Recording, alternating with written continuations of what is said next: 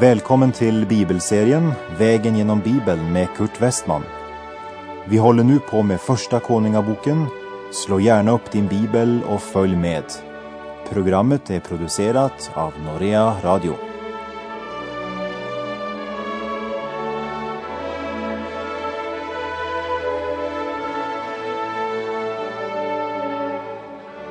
I femte Mosebok 17 hade Herren givit Israel en lag för den som skulle vara kung över Israel, där det stod, du får inte sätta till kung över dig en utländsk man som inte är din broder. Och han må inte skaffa sig hästar i mängd och inte sända sitt folk tillbaka till Egypten för att skaffa de många hästarna. Ty Herren har ju sagt till er, ni ska inte mer återvända denna väg. Inte heller ska han skaffa sig hustrur i mängd för att hans hjärta inte må bli avfälligt. Och inte heller skall han skaffa sig allt för mycket silver och guld.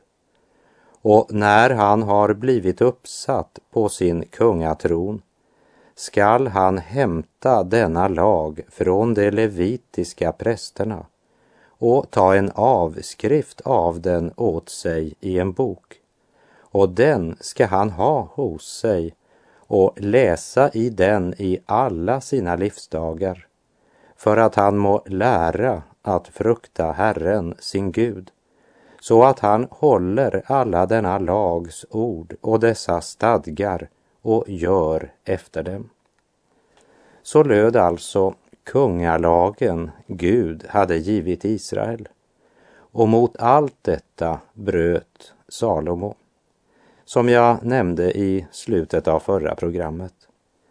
Men han hade en visdom som imponerade världen och han var gränslöst rik på allt förgängligt som såg ut så imponerande. Och när vi nu kommer till Första Kungabok kapitel 11 så fortsätter listan som visar hur totalt Salomo bröt Guds kungalag. Fastän han var utrustad med så mycket vishet. Salomos liv är det grövsta misslyckande vi läser om i det gamla testamentet. För som Jesus säger i Lukas 12.48 Av den som har fått mycket ska det krävas mycket och den som har anförtrotts mycket skall få svara för desto mer.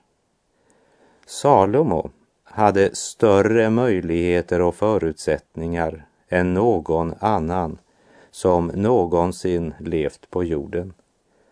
Salomos första felsteg var att han avskaffade inte de falska gudarna, som vi minns ifrån Första Kungabok 3, där det berättades att Salomo frambar offer på höjderna och tände offereld där. Och de flesta menade att det var väl inte så allvarligt. Han eh, offrade ju också till Gud och ingen är ju felfri. Men det som alltså i början bara såg ut som en liten fläck hade nu slagit ut i en spetälskeepidemi. Han hade ett harem på tusen kvinnor, hedniska kvinnor, som fick honom att avfalla till de hedniska avgudarna. Och därför uppreste Gud fiender till Salomo. På grund av avgudsstyrkan lät Gud Jerobeam stå fram och splittra riket. När vi nu kommer till kapitel 11 så blir det ett vändpunkt. För hittills så har det berättats om Salomos vishet och berättelsen om Salomo har ju präglats av en positiv ton. Vi har hört om ödmjukhet och om rikedom och om enorma byggnadsarbeten, om ära och inte minst vishet. Men kapitel 11 handlar om Salomos fall och om Guds dom. Vi läser i Första Kungabok kapitel 11 och vers 1. Men kung Salomo hade förutom faraos dotter många andra utländska kvinnor som han älskade. Moabitiskor, ammonitiskor, edomeiskor, sidoniskor och hetitiskor. När det gällde kvinnor gick Salomo i sin far Davids fotspår men eh, övergick honom suveränt. Synd att han inte också följde sin far Davids spår när det gällde andra områden i livet, för det gjorde han inte.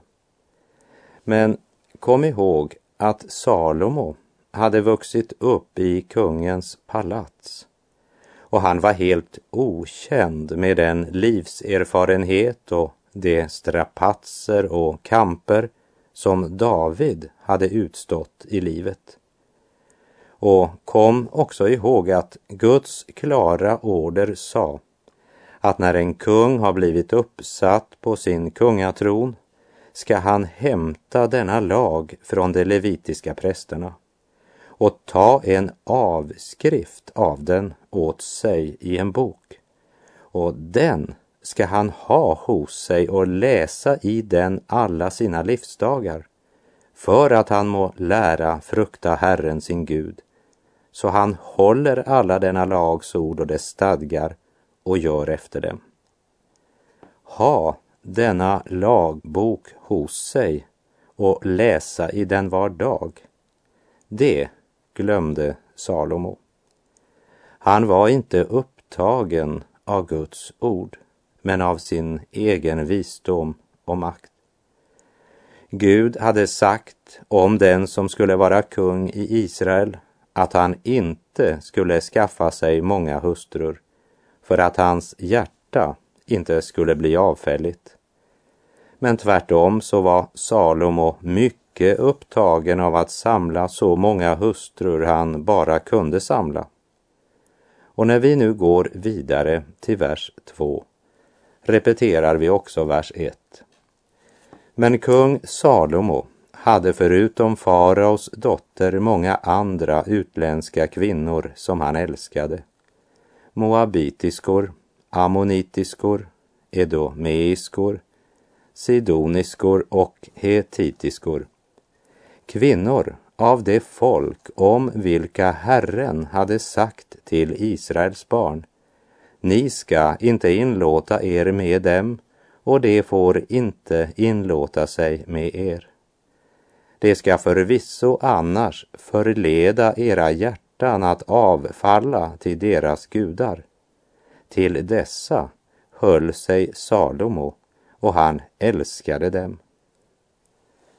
När det gäller den sista linjen i vers 2 tror jag att det är ett av de ställen i skriften där ordet kärlek kan bytas ut med ordet åtrå eller sexualdrift. Det var Salomos motivering. Han eh, hade ju växt upp i ett palats fullt av kvinnor och han hade aldrig upplevt eller erfarit något krävande, något hårt eller manligt. Han hade aldrig varit fåraherde i vildmarken. Aldrig varit på flykt och bott i grottor eller jordhålor. Och när han blev vuxen tillbringade han tiden med att samla kvinnor. Vi läser verserna 4 till och med 6. Ja, när Salomo blev gammal förledde kvinnorna hans hjärta att avfalla till andra gudar, så att hans hjärta inte förblev hängivet åt Herren, hans Gud, som hans fader Davids hjärta hade varit. Så kom Salomo att följa Astarte, sidoniernas gudinna, och Milkom, ammoniternas styggelse och Salomo gjorde vad ont var i Herrens ögon och följde inte i allt efter Herren som hans fader David hade gjort. Följde inte i allt, det vill säga Han följde Herren, men bara delvis. Men Salomo var inte helhjärtad som David. Den lättsinniga kristenheten har inte någon rätt att uttala några smädelser eller något förakt över Salomos avfall till avgudar. För eh, det är inte så väldigt många år sedan som också vårt kära Sverige betraktades som ett kristet land, där Guds ord präglade både landets lagar och väckelsens vindar blåste. Men när förnuftet blev Gud och människan började hylla sin egen vishet som Gud, så fick vi en kultur utan Gud. Och det är fruktansvärt allvarligt. För genom evangeliet hade vi fått större ljus än Salomo. Och därför har vi genom vårt avfall och vår otro och vår växande omoral en långt hårdare dom att vänta. Och vi läser vidare i Första Kungabok 11, verserna 9 till och med 13. Och Herren blev vred på Salomo därför att hans hjärta hade avfallit från Herren, Israels Gud, som dock två gånger hade uppenbarat sig för honom och som hade gett honom ett särskilt bud angående denna sak, att han inte skulle följa efter andra gudar, ett Herrens bud som han inte hade hållit. Därför sade Herren till Salomo, eftersom det är så med dig och eftersom du inte har hållit det förbund och de stadgar som jag har gett dig, skall jag rycka riket ifrån dig och ge det åt din tjänare. Men för din fader Davids skull vill jag inte göra detta i din tid. Först ur din sons hand skall jag rycka det. Dock skall jag inte rycka hela riket ifrån honom, utan en stam skall jag ge åt din son för min tjänare Davids skull och för Jerusalems skull som jag har utvalt. Och Herren blev vred på Salomo. Det var när eh, Salomo blev gammal som hans många hustrur förde honom till fall.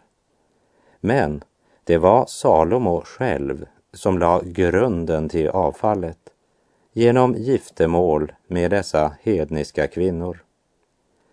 De starka intrycken av Gud hade börjat blekna i Salomos liv.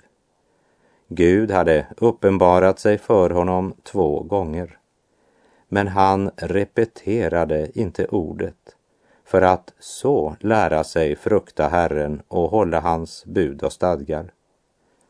Gud hade klart sagt i kungalagen i femte Mosebok och när kungen blivit uppsatt på sin kungatron ska han hämta denna lag från de levitiska prästerna och ta en avskrift av den åt sig i en bok och den skall han ha hos sig och läsa i den i alla sina livsdagar för att han må lära att frukta Herren sin Gud så att han håller alla denna lags ord och dessa stadgar och gör efter dem. Men eh, Salomo var inte upptagen av Guds bok. Det var andra ting som upptog hans sinne och Herren blev vred på Salomo. Eller som Herren säger i det nya testamentet genom aposteln Paulus i Galaterbrevet 6, vers 7. Bedra inte er själva. Gud bedrar man inte. Det människan sår skall hon också skörda. Och Herren blev vred på Salomo. Salomo har avfallit från Gud och nu kommer Guds dom.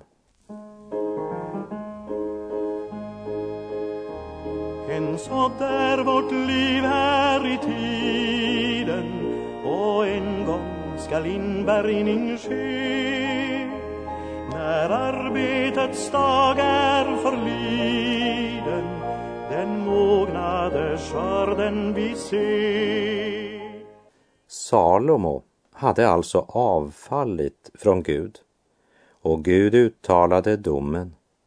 Men Gud sa att han inte skulle rycka hela riket ifrån honom, utan en stam skulle han ge åt Salomos son. Och det fanns två orsaker till det, säger Gud. För min tjänare Davids skull och för det andra för Jerusalems skull som jag har utvalt. Salomo var ju av Judas stam så de kom helt naturligt att stanna hos Salomo son. Och dessutom så fick Salomos son en stam och det var Benjamins stam. Så när riket delas så går tio stammar sin väg och endast Benjamin och Juda blir trofasta mot Davids familj. Trots Herrens klara förbud skaffade sig Salomo många hustrur och hans hjärta förblev inte hängivet åt Herren. Men steg för steg vänder Salomo Gud ryggen. Och nu närmar det sig alltså tiden då Salomo ska skörda. Och profeten Jesaja ord i Jesaja kapitel 57, vers 21. Och det ogudaktiga har ingen frid, säger min Gud. Det blir nu Salomos bittra erfarenhet. Hittills har Salomo bara upplevt fred och för första gången under hans regeringstid närmar sig nu kriget. Vi läser i vers 14. Och Herren lät en motståndare till Salomo uppstå i Edomén Hadad. Denne var av kungasläkten i Edom. Ifrån vår vandring genom Första Mosebok minns vi att Edom är Esaus efterkommande. Och från Fjärde Mosebok kapitel 20 vill jag påminna om att då Israels barn bad Edom om att få tåga genom deras land, då sa Israel, på den allmänna farvägen ska vi dra fram och om jag eller boskapen dricker av ditt vatten ska jag betala det. Jag begär ju ingenting, bara att få tåga vägen här igenom. Men Edom svarade då nej, du får inte tåga här igenom. Och Edom drog ut mot Israel med mycket folk och med stor makt. Och då alltså Edom inte tillät Israel att tåga genom sitt område så vek Israel av och gick undan för Edom. Men i första Samuelsbok 14 berättas att när Saul hade blivit kung i Israel så gick han i strid mot Edom och tuktade dem. Men nu, på grund av Salomos avfall, låter Herren en fiende uppstå just ifrån Edom.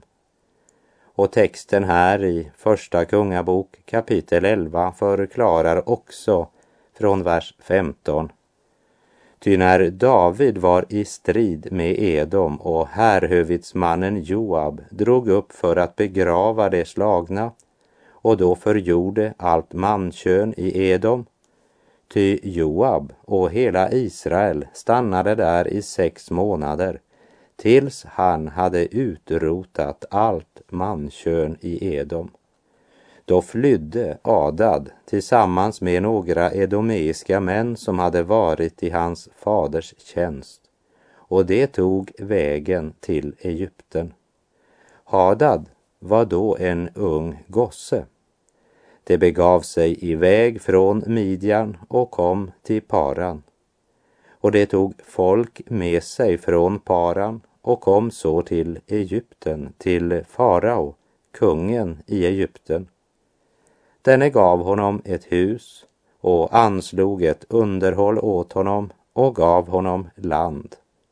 Och när så denne Hadad i Egypten hör att David har dött och att härföraren Joab var död, då bestämmer sig Hadad för att återvända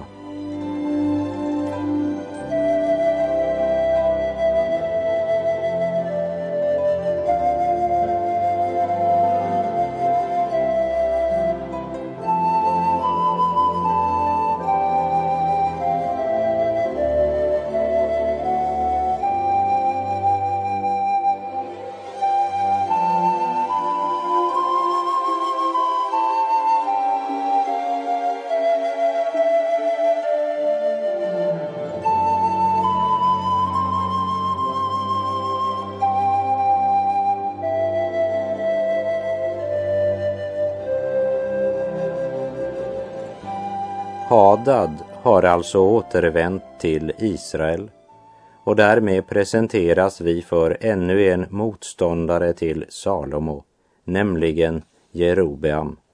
Vi läser i Första Kungabok kapitel 11, verserna 26 till och med 32.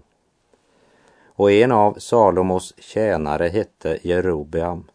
Han var son till Nebat, en efraimit från Sereda och hans moder hette Seruga och var änka. Denne gjorde uppror mot kungen. Orsaken varför han gjorde uppror mot kungen var följande. Salomo byggde då på Millo.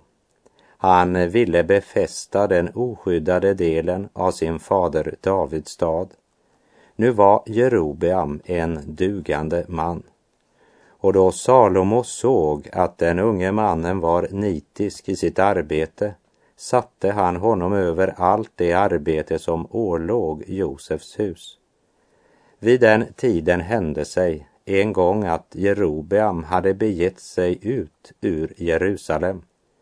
Då kom profeten Ahia från Silo emot honom på vägen där han gick klädd i en ny mantel och det var båda ensamma på fältet.